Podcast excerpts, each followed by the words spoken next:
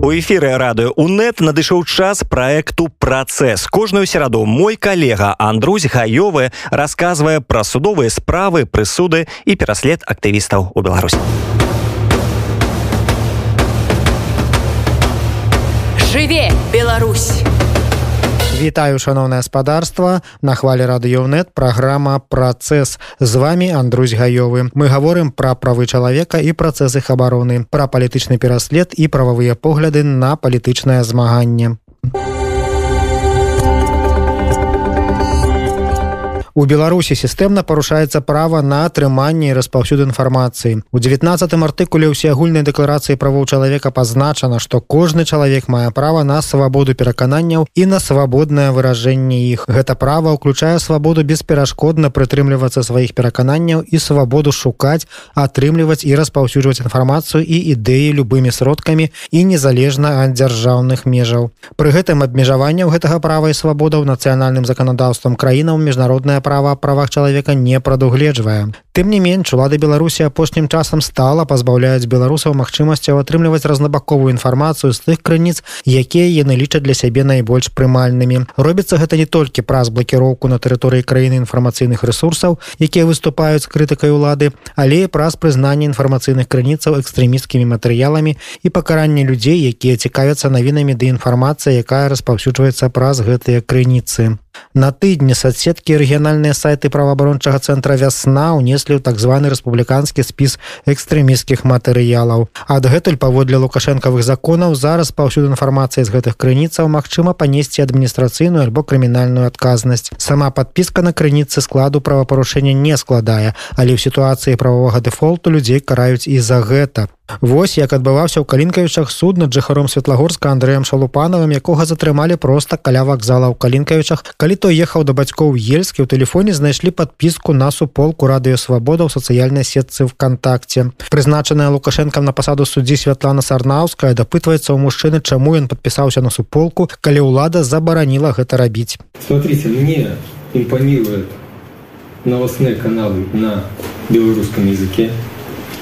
То, что существует в государстве, я, ну, скажем, не могу закрыть свою потребность в получении такого рода информации. Интересные собеседники, интересная тема. То есть вы пояснили, ну, достаточно хорошо пояснили, доходчиво о том, что мы испытывали такую необходимость так, отслеживать новости, вам, вас включали указанные группы, потому что информация выдавалась на белорусском языке. Так? Ну, исходя из э, жизненного опыта, достаточно высокого возраста, вашего наличия высшего образования, вам вы уточнили гуманитарных. Так вот вы ориентировались про то, что происходит в нашей э, стране, события, связанные с выборной кампанией, что вы свои вылаживались те некоторые бывают нарушения, которые допускают граждане, что они привлекаются к ответственности, каким видом к ответственности. Вот этой информацией вы интересовались, но раз вот вы избрали Радия Свобода, страна для жизни, наверное, интересовались этой информацией. Ну, ну, что вот такие события имеют место быть в стране. Суд избирает наказание в виде ареста сроком на 4 суток. Яшчэ 22 чалавекі прызнала палітвязнямі праваабарончая супольнасць беларусі. Гэта валянцін панасік станіслав кажамякін вадзім николаю маргарыта зотова валерыя глінская інна глінская мікіта стараженко дзяніс сальманович сергей лісоўскі даниил чэўнакоў александр новаш василь ярмоленко илья валенцінович мікіта валенцінович татяна гацко кацярына гібкая анастасія кухарова александр гузанаў владимир северын сергей ярошкін і сергей лапко. Таким чынам станам на 15 15 лютага ў краіне за кратамі рэжым утрымлівае 1062 палітычныя зняволеныя беларуская журналістка і актывістка Марыя грыц вырабіла сцяг нацыянальных колераў дзе чырвоную паласу складаюць імёны і прозвішчы ўсіх беларускіх палітвязняў свой твор яна выставіла на аукцыён які скончваецца ўжо ў чацвер Марыя распавяла нам пра сваю задуму. Я думала что просто тысяча чалавек это некая такая знакавая лічба якая ну, мусіць быць адзначаная пэўным чынам Вось і я просто набыла эту белую э, тканіну э, акрылавыя маркеры і пачала пісаць вось мне было такое ну нешта падобна на молитву напэўна потому что я эту э, такую простину раскладывала у калідоры і вось так написала этой этой імёны прозвішча я вельмі здзіўленая галоскай вакол гэтага сцяга тому что мне падавалася что эта ідея такая яна нібыта лежит на паверхні я хотела звярнуць увагу на колькасць палітвязняў это атрымалася я звярнулася ў байсол у іх есть контакты людзей э, якія терпяць ад пераследу і вельмі хотела дапамагчы сем'ям по палізняволеных тым людзям якія зараз засталіся у беларусі. Потому что э, для іх вельмі цяжка адкрыць персональны збор бо людзі баяцца пераследуе не могуць назваць сваё імя показаць э, там свае фото напрыклад. І вось такія безасабовыя зборы яны вельмі цяжка праходзіць тому что ну непонятно кому что як і грошы яны будуць у байсол які перадасць потым сем'ям палітвязна зараз вось на 15 лютого э, сцяг ужо каштуе 980 даляраў я вельмі здзіўленая засталося два дні 4 гадзіны паўдзельнічаць ва аукцыёне яшчэ магчыма праз платформу ebay кропка ком на пошук беларускі нацыянальны сцяг з імёнамі палітвязняў. Цяпер хроніка палітычна матываванага пераследу беларусаў паводле маніторынгу праваабарончага цэнтру вясна.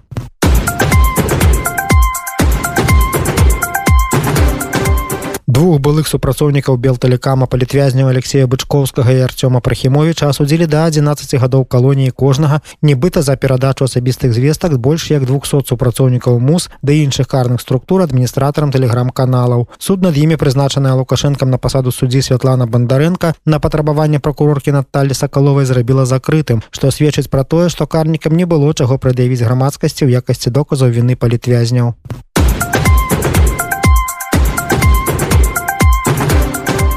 прызначаная асабіста лукашенко на пасаду суддзі Аксана табола прысудзіла тры гады абмежавання волі з накіраваннем у папраўчую установу жыхару браслаўшчыны олегу романчаку за тое што ён нібыта распаўсюдзіў заведамыя лжывыя звесткі пра пракурора браславскага района і менавіта яны а не ўдзел у рэпрэсіях быццам бы апошняга зганьбілі. Таксама нібыта романчык вырабіў распаўсюдзіў 5 улётак якія заклікалі да дзеянняў што груба парушаюць грамадскі парадак і паклаў іх у паштовыя скрыні жыхароў браслава узняволенага карнікамі браслаўчаніна чацвёра непаўнагадовых дзяцей.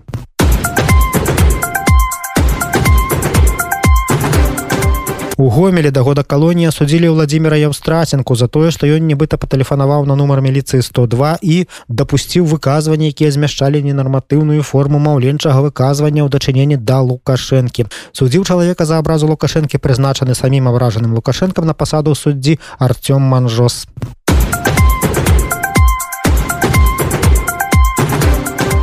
міністэрства юстыцыі падало верховны суд пазов аб ліквідацыі грамадскага аб'яднання ахова птушак бацькаўшчыны. Паводле сцвярджэння ведомства аб'яднання под відам выратавання птушак на тэрыторыі Рэспублікі Беларусь у сваіх інфармацыйных матэрыялах публічна выказвае ідэю падтрымання сярод людзей пратэснай актыўнасці выкарыстоўваючы пры гэтым выказванне птушкі з народам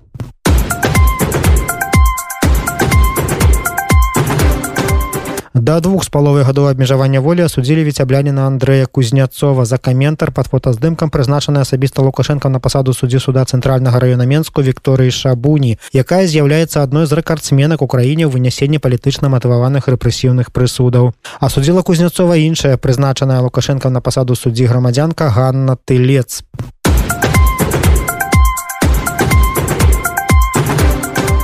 За ўдзел у мірным пратэсным сходзе супраць фальсіфікацыі выбараў тры гады абмежавання волі прызначаная лукашенко на пасаду суддзе Анастасія Чалава прысудзіла жыхару Менска Андрэю зянькову. Асноўным доказам у суддзе паслужыў фотаздымак портала Тутбай, дзе Андрэй стаіць у шчэпцы, каб не дапусціць разгону мірнага сходу карнікамі.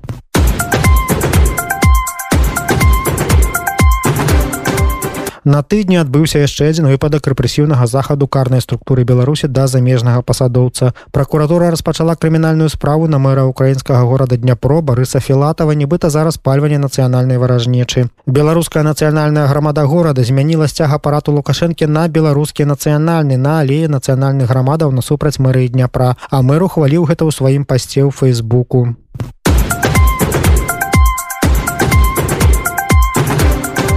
прызначаны асабіста лукашэнкам на пасаду суддзі гомельскага абласнога суда ігар пескунова судзіў жыхара рэчыцы ігора краўцова да трох з паловай гадоў калоніі агульнага рэжыму за абразу ў каментарах в інтэрнэце таго самага лукашэнкі які прызначыў суддзі ў справе а таксама ваеннага камісара гомельскай вобласці крываносава які разносіў па краіне так званы зарад энергіі рашительнасці атрыманы ад усё таго ж лукашэнкі на мінулым усе беларускім народным сходзе.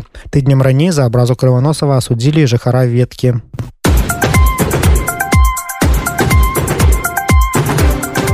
У вілейцы мужчыну асудзілі на 10 сотня арышту за тое, што на аватарцы ягонага аккаунту ў вайберы была выява яго самога з нацыянальным сцягам у руках. Гэта карнікі расцанілі як несанкцыянаванае ўладамі пікетаванне.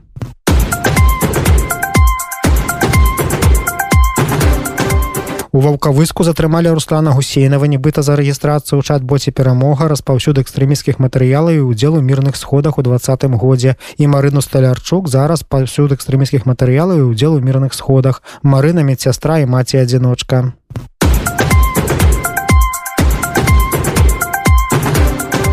У Менску затрымалі былога супрацоўніка пракуратуры Олега Ярмакова, які нібыта зліваў асабістыя звесткі супрацоўнікаў карных структураў тэлеграм-каналу нехта. Папярэдне Олегу Ярмакову інкрымінуюць артыкул 130 распальвання варажнечы.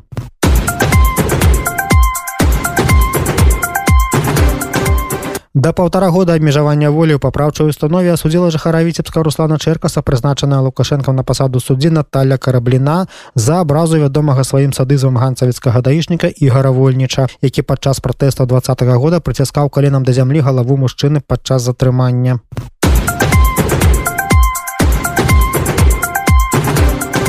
У віцебску прызначаны асабіста лукашенко на пасаду суддзі Сергей Будрэвіча судзіў да двух гадоў калоніі мясцовага прадпрымальніка Александра Михайлова. Яго абвінавацілі ў абразе таго самага лукашэнкі, што прызначыў суддзю жаўнера тэрміновай службы ўнутраных войскаў і двух міліцыянтак. Абраза лукашэнкі прызначаны ім суддзя палічыў словы хітра зачосаны царок хрэнаў.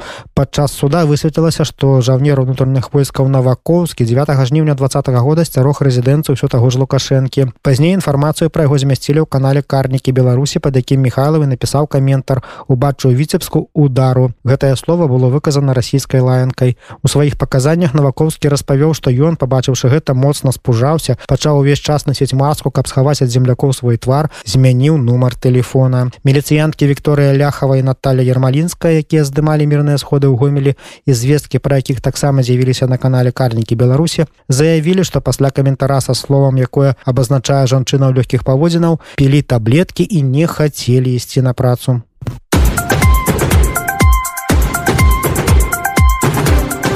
У грудні затрымалі актывістку саюза палякаў беларусі рэнату дземенчук трое чалавек у зялёнай форме заштурхнулі яе ў цёмны бус прычынай дэталі затрымання невядомыя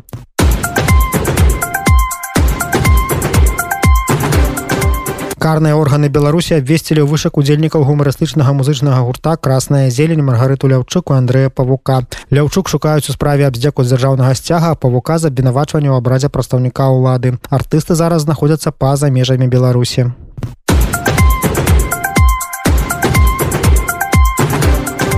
15 лютага карныя структуры затрымлівалі жонку палітвязня Миколая статкевича марыну адамович прычыны абставіны затрымання на вечар 15 лютага невядомыя.